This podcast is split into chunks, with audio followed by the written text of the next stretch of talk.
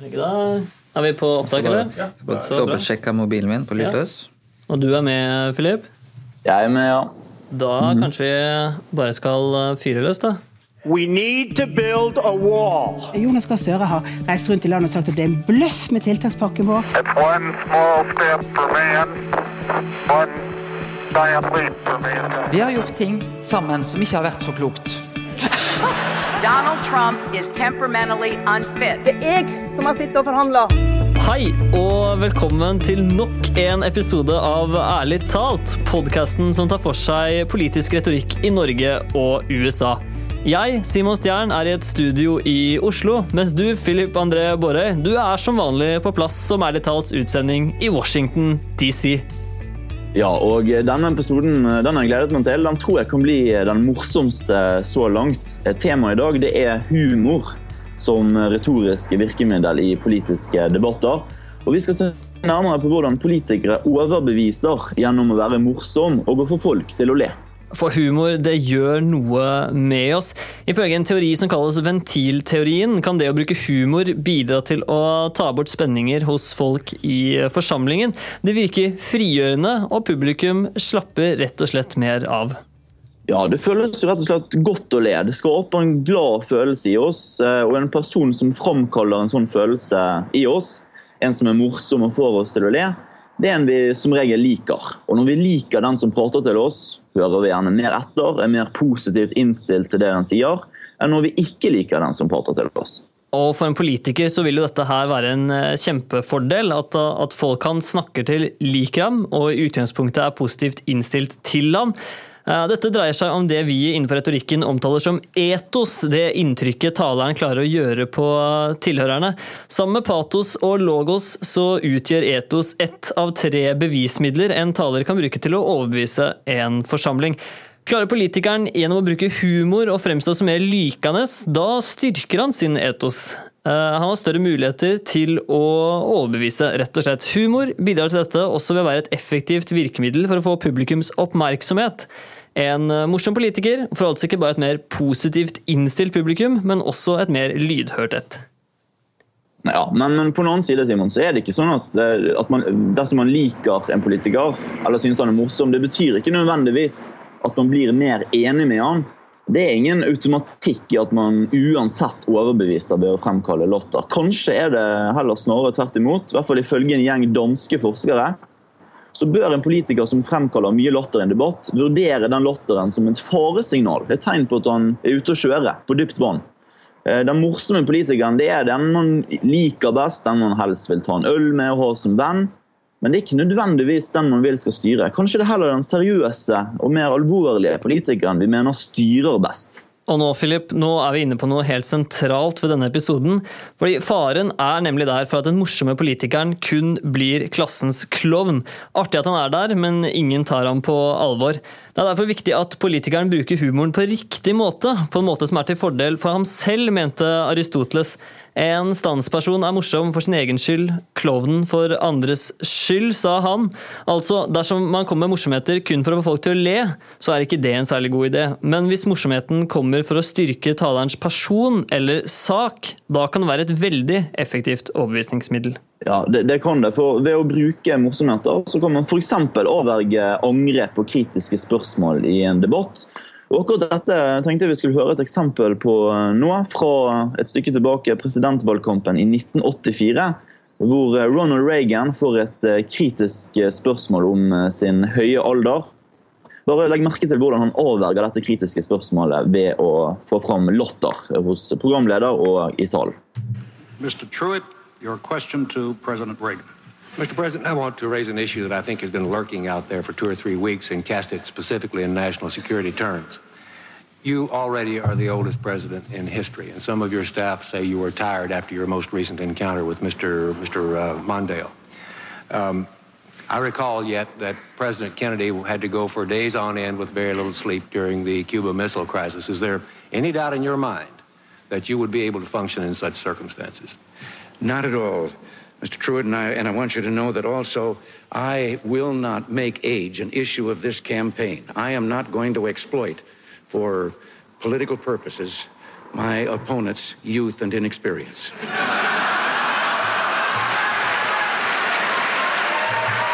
Det Ronald Reagan gjør her, er ganske så genialt. Det kritiske spørsmålet avveier han ved å være morsom, samtidig som han også sniker inn noen stikk til motkandidaten. Eh, Ronald Reagan bruker humoren til sin egen fordel. Han blir ingen klovn. Nei, og det er nå straks på tide å få med gjesten vår, eh, Simon, som i dag er den norske partilederen som bruker humor mest, og kanskje også best. Det skal vi snakke med ham om veldig snart, men aller først, her er litt fra Ærlig talts annonsører. Stian kjøpte drømmebilen. En stor Volkswagen Transporter som han kunne ta med på kitetur langs norskekysten.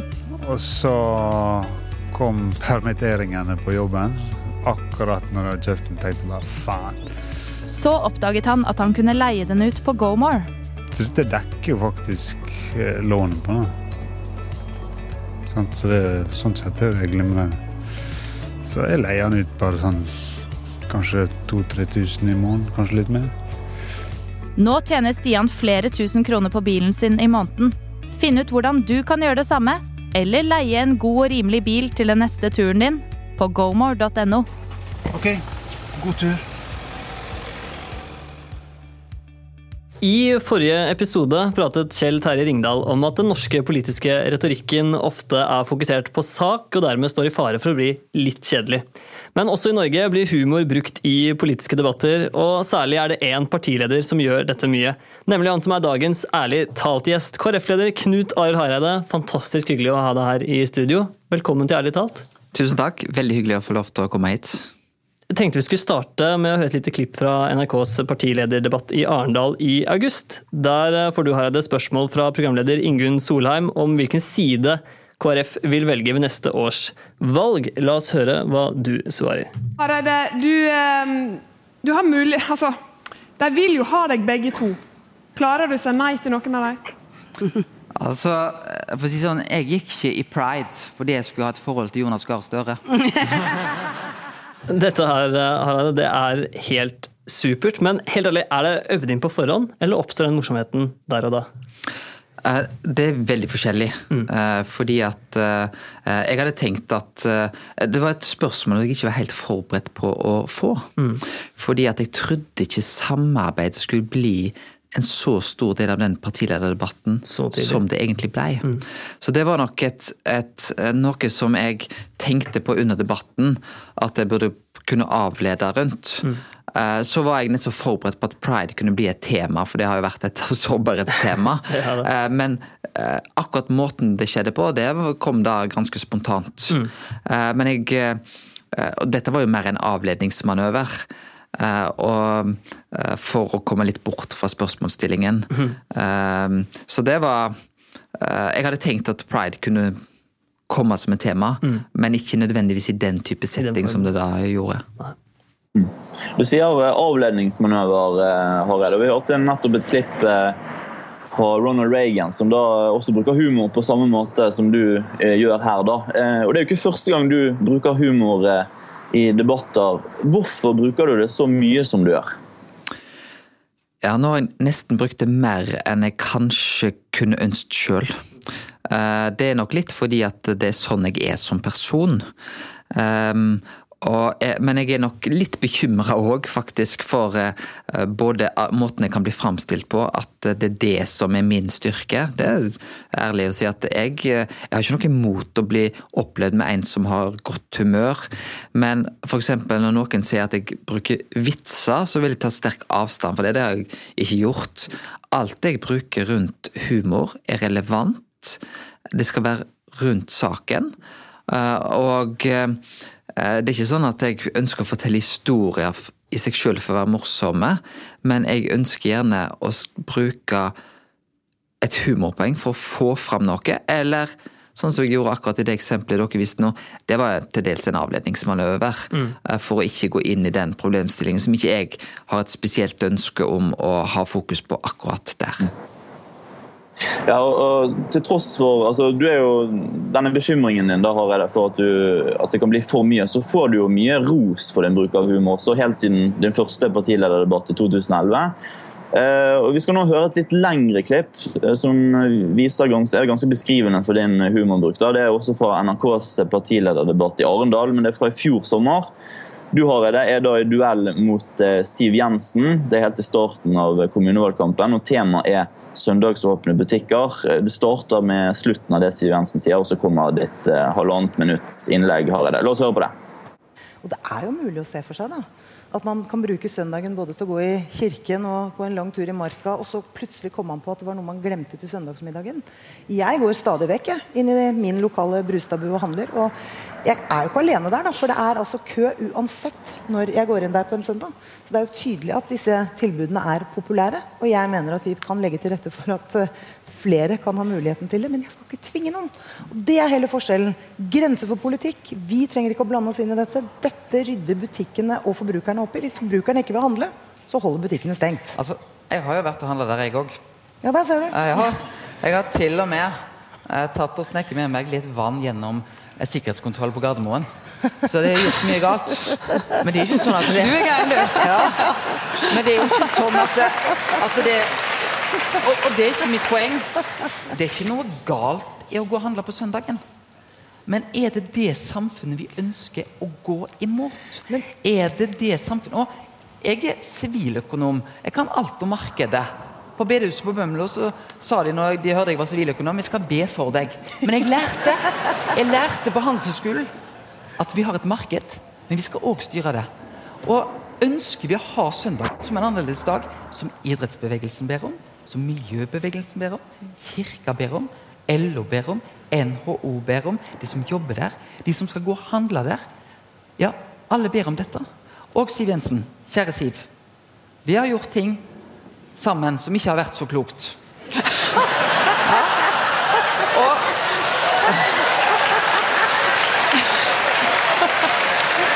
ja, dette Dette blir en nedtur, for det var plastposeavgiften jeg hadde tenkt å si. Vi kom med plastposeavgiften, og så så vi det var ikke noen god idé. Så la vi den bort. Jeg mener det er akkurat det samme regjeringa må gjøre med denne saken her. Dette er veldig morsomt, først og fremst, Hareide, men det er også veldig bra. fordi det du gjør, For det første har du ordet i halvannet minutt. Det er veldig lenge i en politisk eh, debatt. Og i løpet av eh, det halvannet minuttet så får du publikum, Ingunn Solheim og motdebattant Siv Jensen til å le tre ganger. Og du fanger oppmerksomheten. Det er gøy å høre på, ikke minst så bruker du den til å fremme KrFs poenger. Hva syns du selv? Eh, deler av dette syns jeg er veldig bra. Mm. Så ser du at eh, akkurat det poenget som folk husker etter den debatten, og for så vidt noe av det som ble huska nesten etter hele valgkampen i fjor, var jo dette du og jeg, Siv. Ikke alt vi har gjort sammen, ja, noe mm. rundt det. Hvis du ser på meg, så ser du at det var ikke det jeg hadde tenkt å si. Nei. Du ser at jeg faktisk kom Det er en forsnakkelse. Ja. Uh, og, du, og, de som kjenner meg, kan se at det, det er et bitte lite sekund. Jeg er litt av, ute av kontroll, for jeg forstår ikke helt hva jeg har sagt. Mm. Men så greier jeg å ta det inn igjen. Mm. Um, søndagen er jo en sak der vi har et politisk flertall imot oss, mm. men som nå vi har vunnet. Og jeg tror faktisk at den debatten var med på å avgjøre litt slaget rundt det. Tror du at den bruken av humor kan være med å åpne opp deler av publikum som ikke ikke f.eks. har tenkt så mye på KrFs politikk tidligere, at det åpner opp for et bredere publikum ved å bruke humor? Ja, Noe av mitt poeng var iallfall uh, å, å få fram at uh, det er ikke noe ulovlig, det er ikke noe galt i å handle mm. på søndagen. Ja, til og med jeg gjør det. Men det å få fram Er det sånn at vi ønsker å gi alle muligheter til enhver tid? Mm. Og min tanke var jo helt bevisst å prøve å skape noen nye assosiasjoner. Ikke tenke at KrF er for det, mot dette med søndagen fordi at de vil at vi skal gå til kirka. Nettopp. Eh, men få fram den type tenkning at er det nettopp denne handlemønsteret vi ønsker å gjøre? Mm. Og så var det jo akkurat dette når jeg skulle utfordre Siv, da, så hadde jeg tenkt å si noe rundt plastposen. Mm. Det hadde jeg tenkt på. Mm. Men ikke den formuleringen som skapte latteren. Det var en forsnakkelse, det var en feil. Uh, og det kunne blitt veldig feil. Mm. Men fordi at det ble en latter, og fordi at jeg greide å ta inn plastposen, og folk kunne da forstå den tenkningen, mm. så havna det ned greit. Hva tenker du, eh, Philip?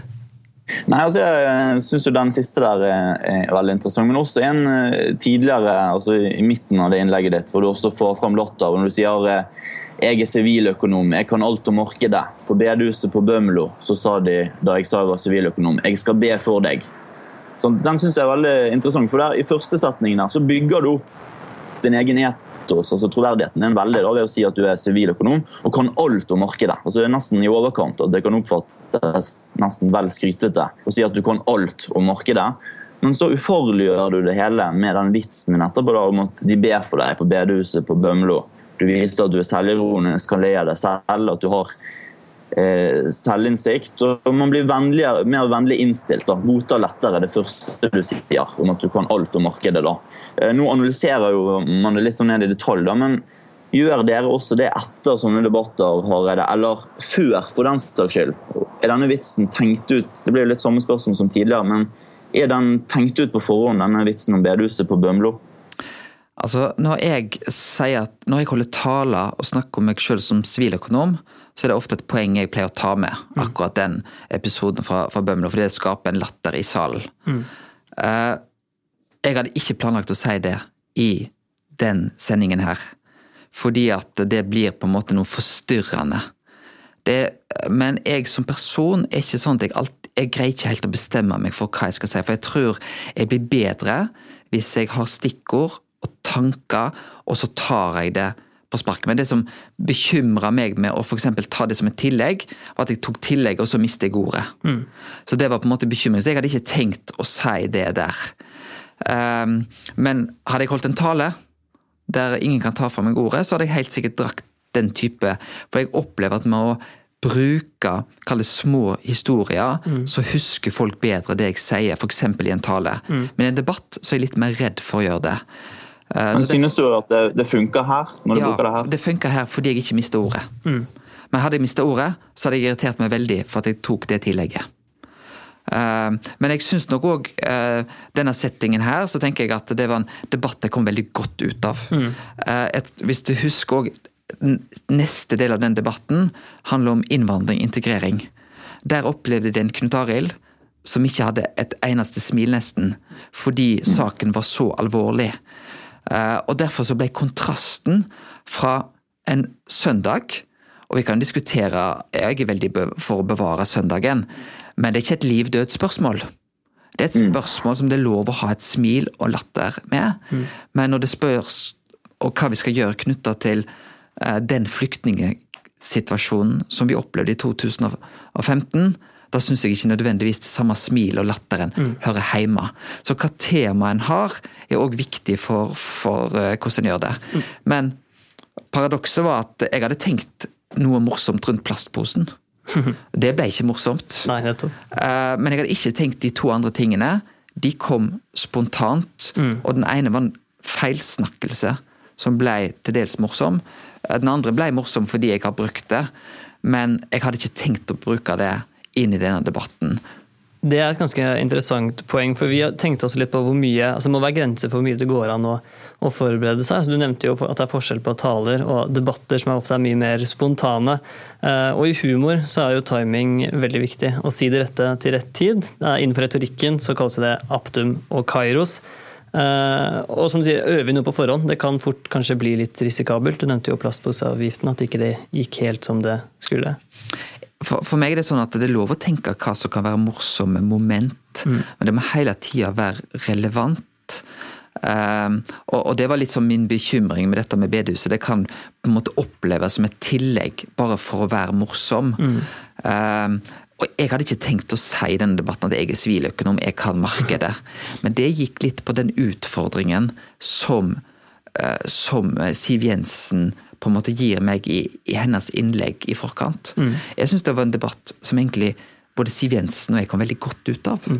Fordi jeg tror hun vant sine tilhengere òg. Jeg tror bare at i dette spørsmålet så har jeg flertallet i folket med meg.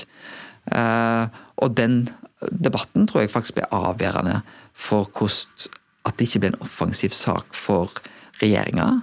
Og de har jo lagt bort det forslaget, eller de har bedt om en utredning, Mm. som er en høflig måte for politikere å legge bort en sak. Ja, vi snakket tidligere om ventilteorien innenfor eh, humor, som går ut på at humor kan virke frigjørende på publikum og ta bort en del eh, spenninger. Jeg tror at dette er en veldig beskrivende for din humor, Hareide. Altså, fortsatt så er det kanskje mange norske velgere som har en oppfatning, om ikke bevisst, så kanskje ubevisst, eh, av KrF som et eh, prektig parti, eh, som ser på seg selv som mer moralske enn andre. Men når du er selvironisk om bedehusmiljøet, og senest nå om at du gikk i Pride-toget, så virker det forløsende. Altså Du viser at du er en som ikke tar deg selv så høytidelig, og dermed bryter med en del av disse fordommene som kanskje måtte eksistere om KrF som parti. Tror du det ligger noe i det? Jeg har tenkt at når jeg går inn som partileder, må jeg være meg sjøl. Og en del av min form for humor er en sjølironisk eh, humor. Eh, Og, og det er en humor jeg liker sjøl. Så tror jeg paradokset er at når jeg nevner bedehuset her, så tror jeg at jeg bygger faktisk ned eh, gjerdene rundt KrF. Men de som går på bedehuset, de syns det er veldig flott. At jeg løfter fram min bakgrunn. Så der greier jeg egentlig å gjøre begge deler samtidig. Um, og det er nettopp et poeng med at uh, det å ufarliggjøre ting, uh, det kan på en måte både skape en stolthet for de som har den bakgrunnen, men òg uh, i realiteten være med på å, å, å bygge ned. Og Litt tilbake til denne bekymringen din, Hareide. At du, du er kanskje redd for å bruke humor for mye i disse debattene. Er det sånn at du nå framover vurderer også eh, bli mer kjedelig da, i disse debattene? Det er jo et eh, eh, Da vi diskuterte nå hvordan vi skulle gjøre siste Arendalsdebatt, så, så var vi egentlig enige at nå bør det nesten være et mål at ikke det skaper noen latter. Eh, Der greide jeg ikke helt å følge opp det. Eh, Men iallfall så er det veldig viktig for meg at det ikke er noen som Det kan godt være at jeg har tenkt igjennom ting, men det må ikke oppleves som noe ferdig opplevd. Eh, Jeg tror det spontane. Alle forsto at det spørsmålet jeg fikk rundt samarbeid eh, det kom på slutten av den debatten. Det var, alle forsto at det var ikke et spørsmål jeg hadde visst jeg skulle få. Um, uh, og derfor kunne du nesten se på meg at jeg leita etter en spontanitet for å få det spørsmålet litt bort. Og det greide jeg. Uh, og det tror jeg er så viktig hvordan det òg oppleves av gen det geniale rundt humor. Um, altså Ronald Reagan som dere, han var jo òg en mester i nettopp dette. Han var jo en av de eldste mm. presidentkandidatene, og i et av klippene rundt han så fikk jo han spørsmål Ja, hva mener du om din alder? Og så svarer han ja, jeg skal ikke bruke min alder mot min motstander. Vi altså hørte på det klippet tidligere i uh, sendingen. Uh, men vi siterte også litt sånn dansk forskning innledningsvis, som sa at uh, den morsomme politikeren liker vi best, men er kanskje ikke den vi skal styre. Og nå vi vil skal styre. Og nå så pratet du at dere kanskje vurderer å ikke være så morsomme fremover, men at du må komme mer spontant. Er det en risiko å bli at man blir klovnen, den morsomme i klassen? Um, jeg tror en partilederdebatt, så er det sånn at uh, det, det, tror jeg uh, og, og, ja, det er lett å finne klipp fra meg der jeg er morsom, Mm. men det er jo sånn at si at jeg får ordet da fem eller seks ganger i løpet av en partilederdebatt, så vil det nok være fire-fem ganger. Det er ingen latter etter mine innlegg. Um, og så er det jo òg så, så, så jeg er ikke bekymra for det sånn mine opptredener, men jeg liker ikke ja, karikaturen av at ja, jeg er den morsomme partilederen. Det, er en, det blir en liten utfordring for meg. Fordi at uh, det er ikke det som skal sitte igjen. Det skal være å sitte igjen mitt engasjement. Um, mitt engasjement for å bevare søndagen. Men det er jo ikke sånn at jeg tror det engasjementet virker mindre om jeg òg har nettopp uh, et budskap rundt der som kan fremme et lite smil. Og jeg tror òg at eh, KrF er jo et parti som har kall det noe større barrierer rundt seg enn andre parti. Det ser vi at eh, Og det å være med å bygge ned noen av de barrierene er òg et, et mål for meg. Det å bredde partiet. Eh, Og der kan jeg òg bruke ikke humoren, men den jeg er. Mm. Og humoren er òg en, en del av meg.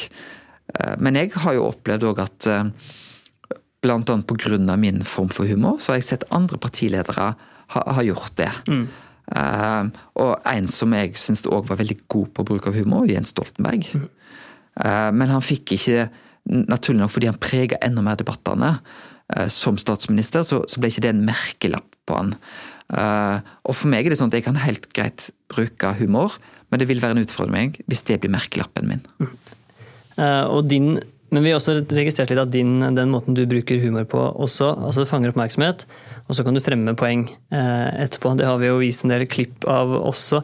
Eh, men hvis vi blikker eh, blikket, for å si det på den måten, opp og bort til amerikansk eh, valgkamp, så er det en annen form for humor som gjelder der, eh, Philip. Donald Trump, syns du han er morsom, Philip?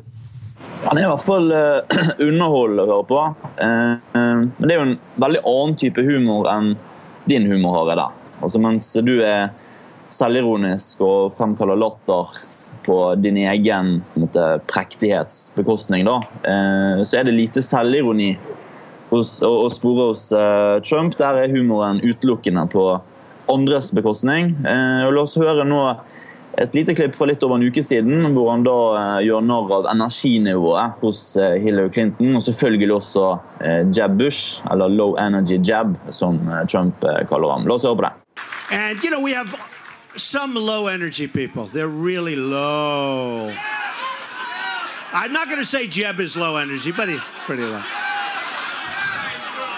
Who would you rather have negotiate with Iran, Trump or Jeb? How about this? Trump or Hillary?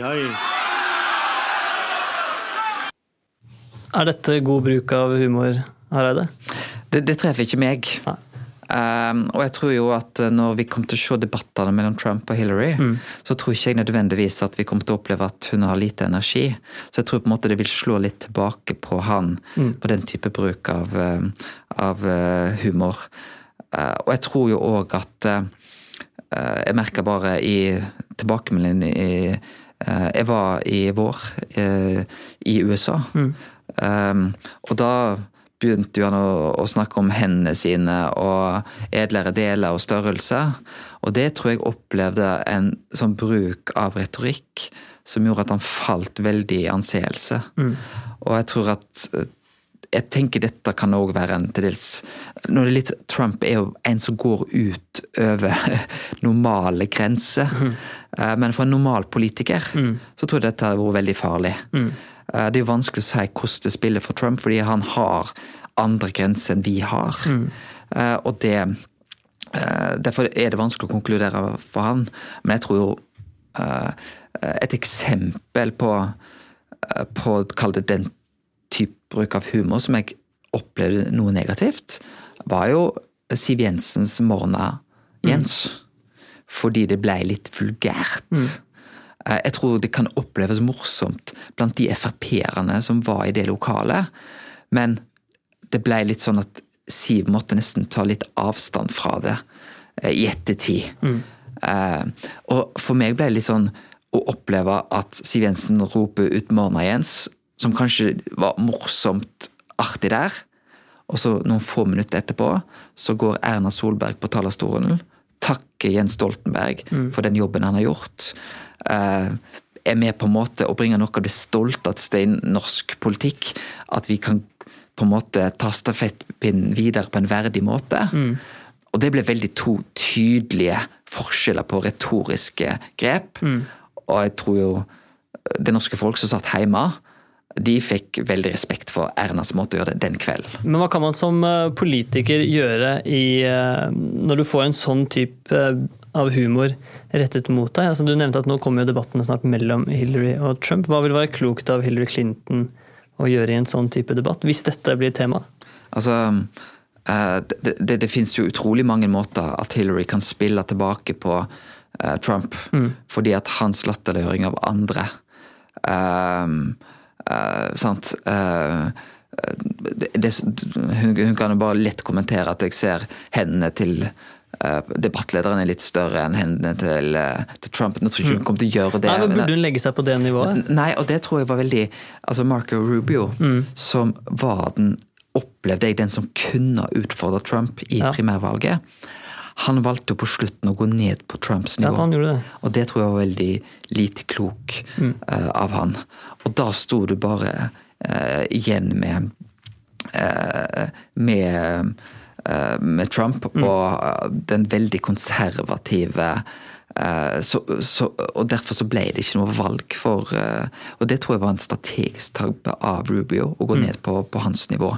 Men det fins utrolig mange varianter av den type humor som, som gjør at eh, Hillary kan bruke humor Mm. mot Trump. Eh, og jeg tror jo for eksempel eh, Men det Trump òg kan lykkes med, eksempel hvis han opptrer noe sjølironisk. Mm. For han har jo muligheten å overraske. Bare når han nå har beklaga noen få ting, så har det fått en enorm oppmerksomhet. Så han har, har muligheten til det. Mm. Men spørsmålet er om ikke både Trump og jeg har det til felles at vi er den vi er inni i debattene. Mm. Og derfor så selv om jeg har gått inn i debatter og tenkt jeg skal bruke litt mindre humor, Mm. så har jeg ikke helt greid det ennå. og, og spørsmålet om Trump og jeg har akkurat samme utfordring med at vi er litt for mye oss sjøl. Hva tror du om valget nå 8. november? Kommer det til å bli jevnt helt inn?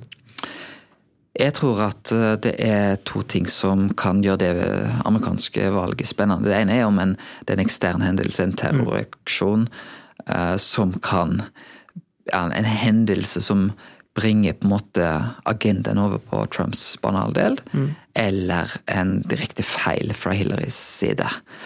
Eh, og det kan lett skje. Det har skjedd før.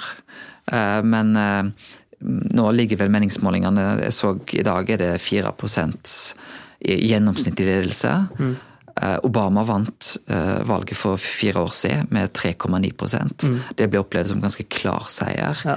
Så alt annet så burde Hillary kunne ta dette i mål, Mm. men da eh, med det unntaket hvis ikke det kommer Og det er klart at det har jeg lyst til å si at det er klart at eh, Fordelen for Hillary er at hun møter Trump. Mm. Det er klart at Noen av de e-postsakene er jo alvorlige. Mm. Når det har vist seg at eh, utenriksministeren i USA har hatt møte med noen som har tette forbindelser med Clinton Foundation, Mm. og at giver av Clinton Foundation har betydning for hvem USAs utenriksminister møter.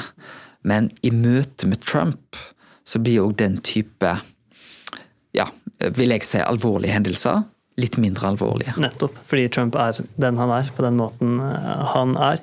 Eh, dessverre så må vi begynne å runde av denne episoden. Knut Arild Hareide, tusen hjertelig takk for at du ville være gjest her hos oss i Ærlig talt. Tusen takk, veldig hyggelig for å være her. Du er med, Ja. Philip? Ja, jeg er med herfra, eh, og vi vil gjerne takke dere som har eh, hørt på. Eh, Vi håper dere likte det, og hvis dere gjorde det, så blir vi glad hvis dere sjekker ut Facebook-siden vår, og der kan dere gi oss tilbakemelding. Ja, ærlig talt produseres av Podster, og lydteknikk på denne episoden er det Jakob som har stått for. Vi håper at du også vil være med på neste episode av Ærlig talt. Ja, for da eh, blir det forhåpentligvis en spesialepisode hvor vi begge, Simon, er i Washington. Ja, for jeg kommer og besøker deg, og vi skal på taleskriverkonferanse og lære litt av de retoriske knepene som eh, gjelder i amerikansk politisk eh, retorikk. Det vil bli veldig spennende. Mm, og inntil da, ha det strålende, alle sammen.